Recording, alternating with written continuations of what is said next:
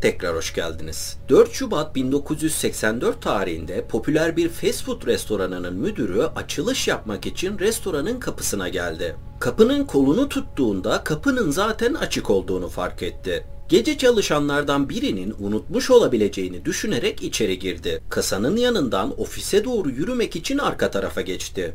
Ancak ofise gidemeden önce durmak zorunda kaldı. Çünkü geçmesini engelleyen bir şey vardı. Bu restoranda yaşananların öncesinde ve sonrasında yaşananların hikayesi. Hazırsak hikayemize başlayalım.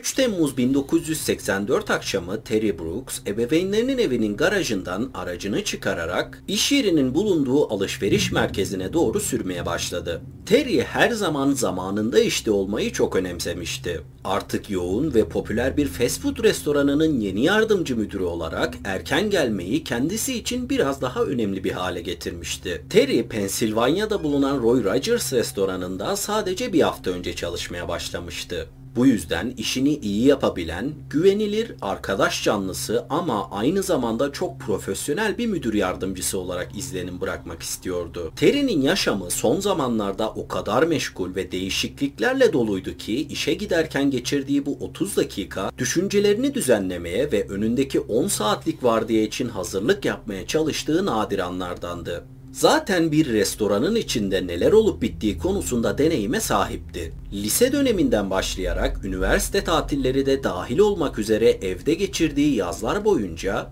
Terry çeşitli restoranlarda garson olarak çalışmıştı. Üniversiteden insan kaynakları yönetimi diplomasıyla mezun olduktan sonra da gerçek hayattaki iş deneyimini profesyonel bir kariyere dönüştürme kararı almıştı. Bu yüzden yaklaşık 7 ay önce 1983 Temmuz'unda Terry Cucci's adlı bir İtalyan restoranının müdürlüğünü bırakarak daha kurumsal ve yükselme şansı olan Roy Rogers'da müdür yardımcısı olarak işe başlamıştı. Terry bir anlığına gözlerini yoldan ayırdı ve sol elindeki yüzüğe baktı. Şu anki nişanlısı Scott'la ilişkisine başlamadan önce bir yıl kadar süren ve fiziksel olarak sürekli kötüye giden bir ilişkisini sonlandırmak gibi zeki bir karar almıştı. Scott eski sevgilisi gibi üniversite mezunu değildi. Ancak çok çalışkan ve çok zekiydi. Eskiden çalıştığı İtalyan restoranında ustabaşıydı ve ikili tanıştıktan sadece 3 ay sonra Scott Terry'e evlenme teklifi etmiş, Terry de bu teklifi kabul etmişti. O zamandan beri çift çalışıp para biriktiriyor ve Temmuz ayının 14. gününde planladıkları düğünleri için hazırlanıyordu.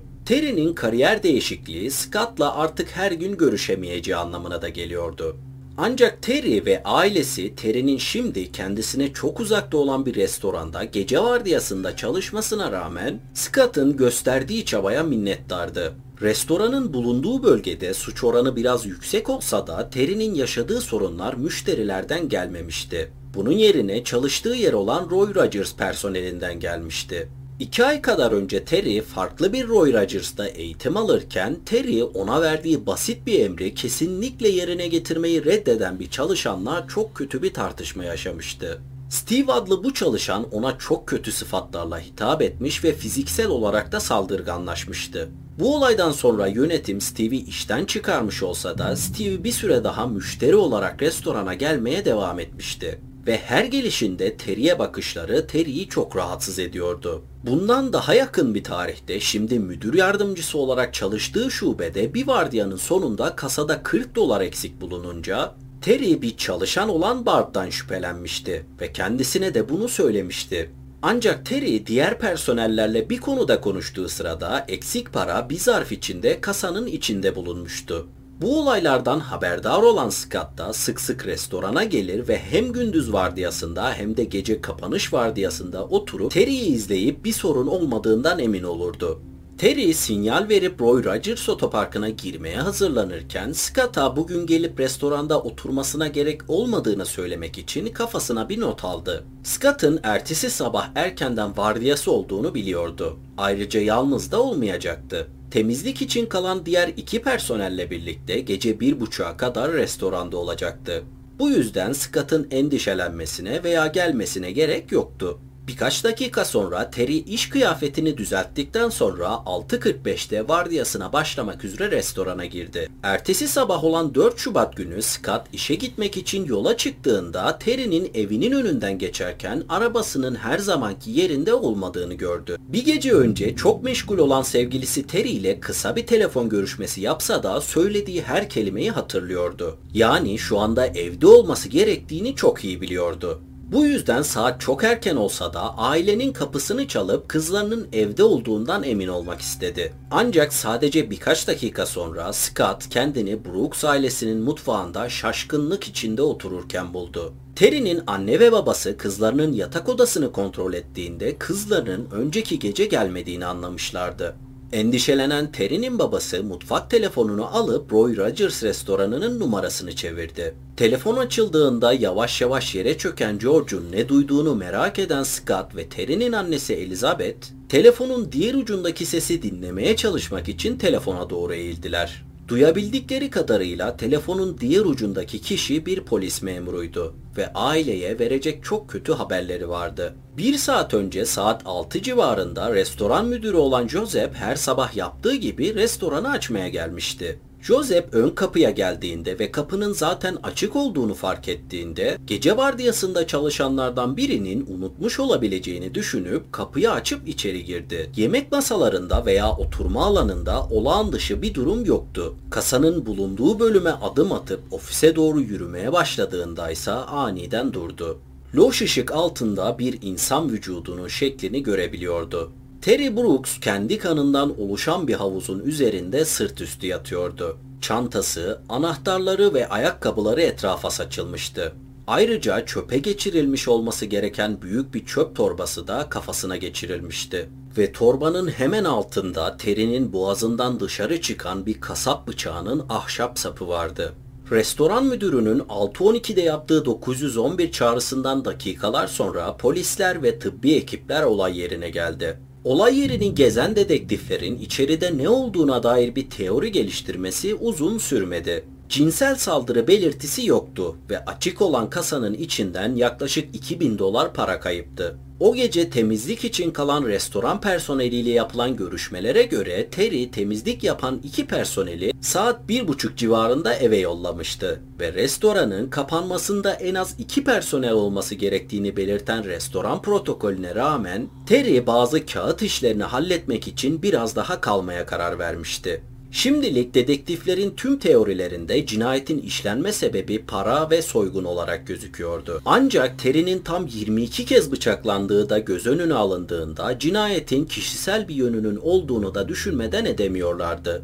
Olay yeri teknisyenleri cesedi ve olay yerini incelerken dedektifler Brooks ailesinin evinde Scott ve Terry'nin ebeveynlerinden ifade alıyordu.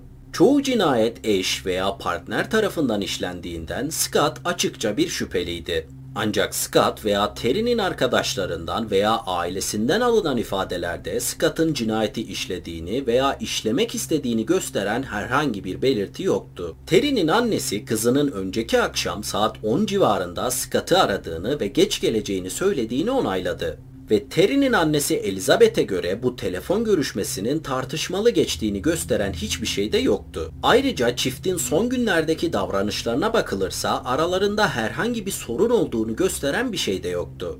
Aile ve arkadaşlarla yapılan görüşmeler sonrasında Terry'nin eski ilişkisinin sorunlu geçtiği ve bittiği öğrenilmişti. Ayrıca yine bu görüşmeler sayesinde iki çalışanla yaşadığı sorunlar da öğrenilmişti. Ancak dedektifler bu ipuçlarını takip ederken ardı ardına çıkmaza girmişlerdi. Terry'nin eski erkek arkadaşı Kaliforniya'ya taşınmıştı ve cinayet günü için görgü şahidi vardı. Terry'nin söylediklerini yapmamakta ısrarcı davranan çalışan Steven ise sunduğu görgü şahitleri doğrulanamasa da yalan makinesi testinden sorunsuz olarak geçmişti. Terry'nin saldırganının cinayet sonrası kaçış rotası olarak kullandığı neredeyse kesin olan arabaya servis penceresinde bulunan parmak izlerinin sahibi ise yalan makinesi testinden geçmişti. Terry'nin başına sarılmış olan çöp poşetinde ve poşetin olması gereken çöp kutusunda bulunan parmak izlerinin sahibi de yalan makinesi testinden geçmiş ve cinayet günü için görgü şahidi vardı.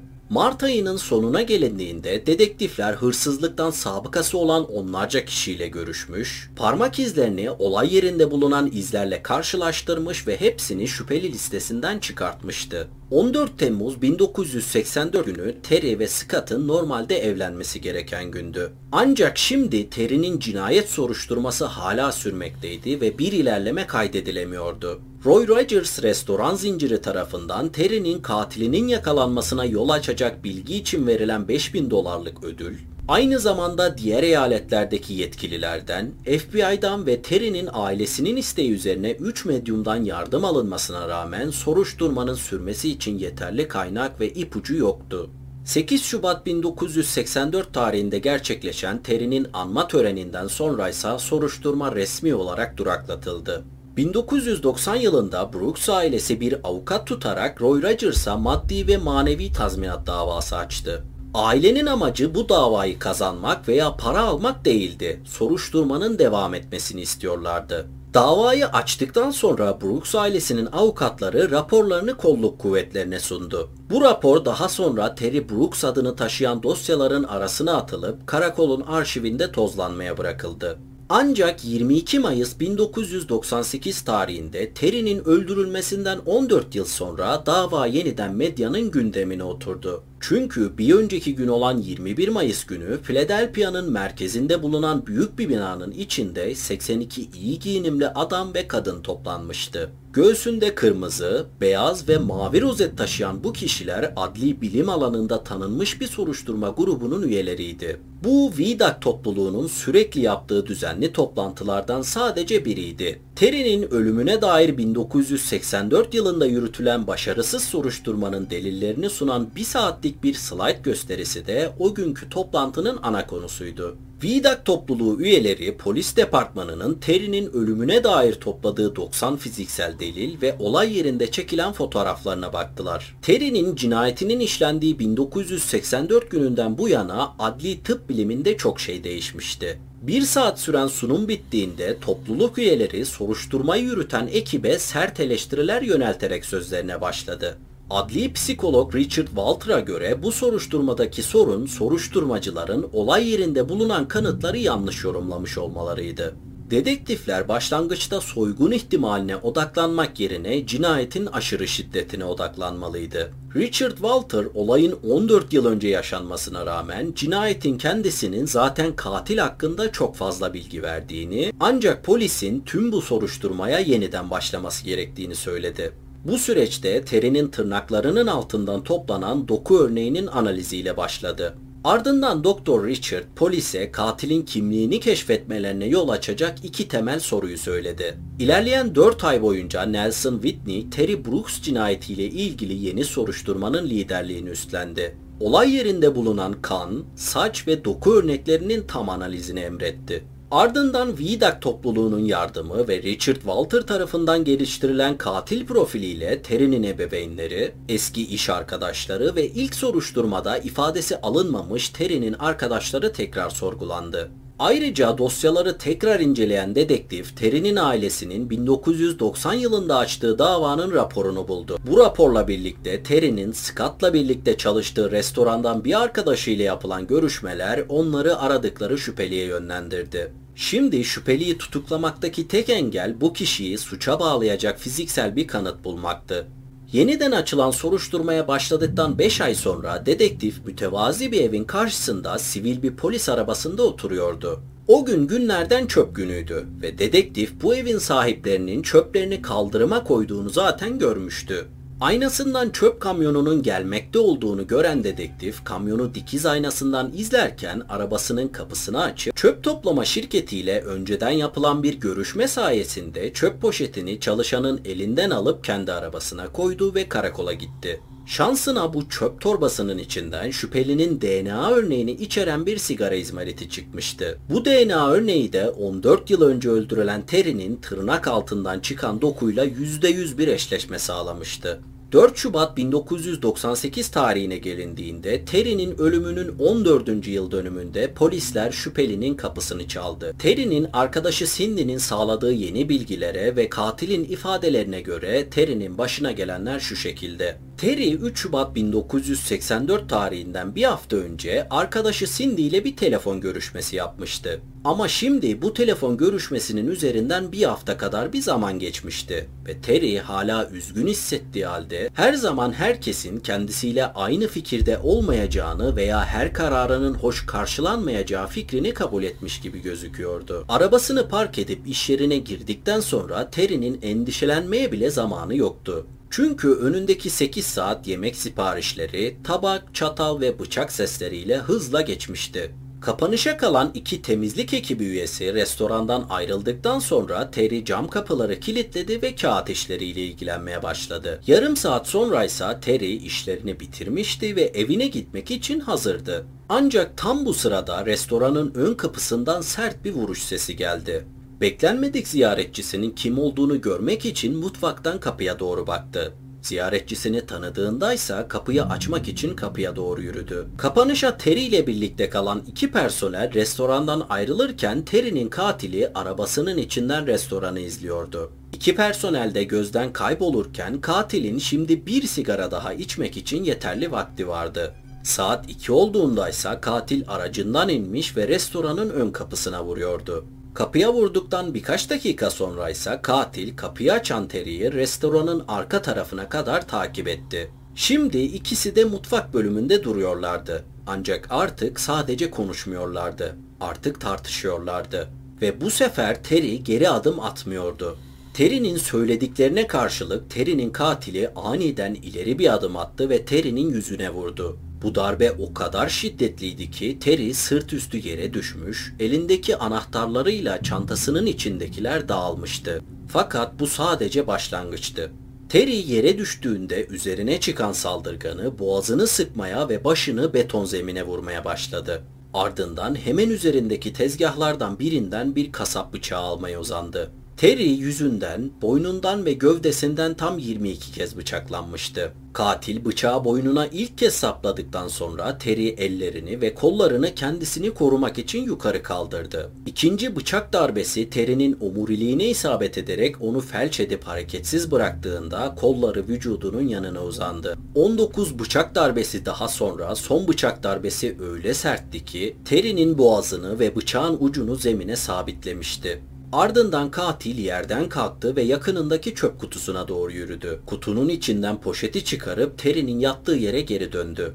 Elindeki poşeti Terry'nin kafasına geçirdikten sonra kasayı açtı ve içindeki tüm paraları alıp cebine koydu. Son bir kez etrafına bakındıktan sonra arabaya servis penceresini açtı, eşiğin üzerinden tırmanıp aşağı indi. Ardından otoparka park ettiği arabasına doğru koşmaya başladı. Bu olaydan tam 14 yıl sonra adli psikolog olan Richard Walter'ın sorduğu ilk soru Terry'nin gecenin ikisinde restorana alacak kadar kime güvendiğiydi. İkinci sorusuysa Terry'i öldükten sonra bile bıçaklamaya devam edecek kadar yoğun duyguları olan kişi kim olabilirdi? Bu iki sorunun da tek bir cevabı vardı. Nişanlısı Scott Keith. Terry'nin cinayet dosyası yeniden açıldığında Terry'nin arkadaşı Cindy yetkililere Terry'nin öldürüldüğü günden sadece bir hafta önce kendisini arayıp düğünlerini iptal etmeyi düşündüğünü itiraf ettiğini söyledi.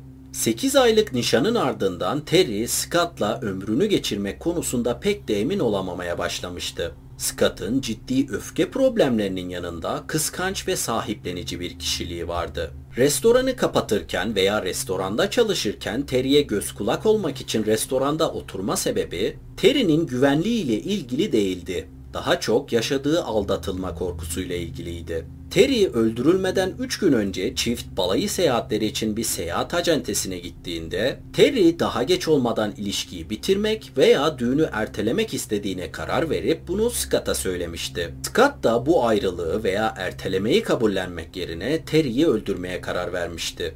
Scott'ın kasadaki tüm parayı alması, Brooks ailesinin evine giderek Terry ile ilgili endişe duymuş gibi gözükmesi tamamen yanıltma ve hedef şaşırtma amaçlıydı. 14 yıl sonra olay yerinde bulunan saç teli ve doku örnekleriyle Scott'ın çöp torbasından çıkan sigara izmaritinden alınan DNA örneği eşleştikten sonra Scott tutuklandı. Yalan makinesi testinden de geçemedikten sonra 5 Şubat 1998 tarihinde Scott Terry'i öldüren kişi olduğunu itiraf etti.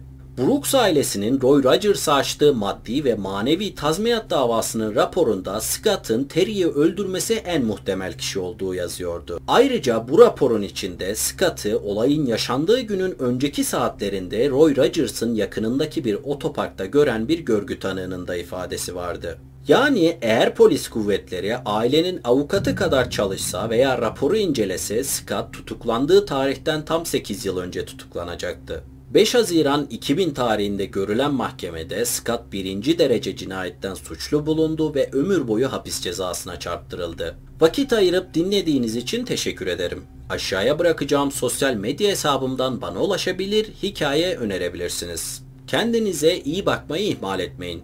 Hoşçakalın.